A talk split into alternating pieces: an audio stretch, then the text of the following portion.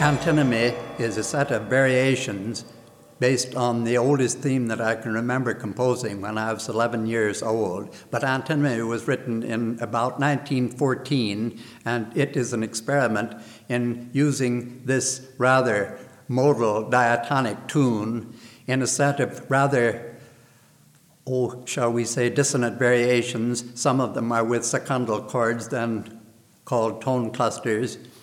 And this rises to a pitch so that in the final variation, both of my forearms play every tone they can possibly reach in the chromatic scale all at the same time and as loudly as possible, sometimes using scales and arpeggios with 16th and 32nd tones.